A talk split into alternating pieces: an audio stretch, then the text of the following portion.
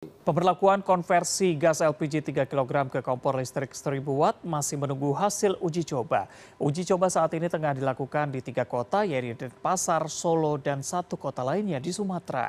Menteri Koordinator Bidang Perekonomian Erlangga Hartanto saat ditemui di Istana Kepresidenan Jakarta Senin siang menyebut pemberlakuan konversi gas LPG 3 kg ke kompor listrik menunggu tiga daerah yang dijadikan daerah uji coba.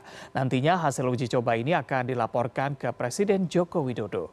Seperti diketahui, proses uji coba ini juga akan melihat kapasitas kompor yang tepat, sehingga masyarakat akan lebih nyaman dalam memasak.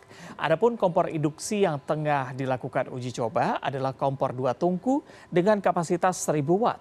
Sementara itu PLN mengklaim upaya konversi ini sebagai salah satu upaya untuk mengurangi beban negara atas impor LPG yang naik setiap tahun. sedang dilakukan piloting di beberapa daerah antara lain Bali dan Solo. Nanti kita review sesudah piloting jalan. Oh, tapi Pak Jokowi sudah setuju Pak ya dengan itu tadi ya? Ya itu sudah dilaporkan dan ini menunggu piloting.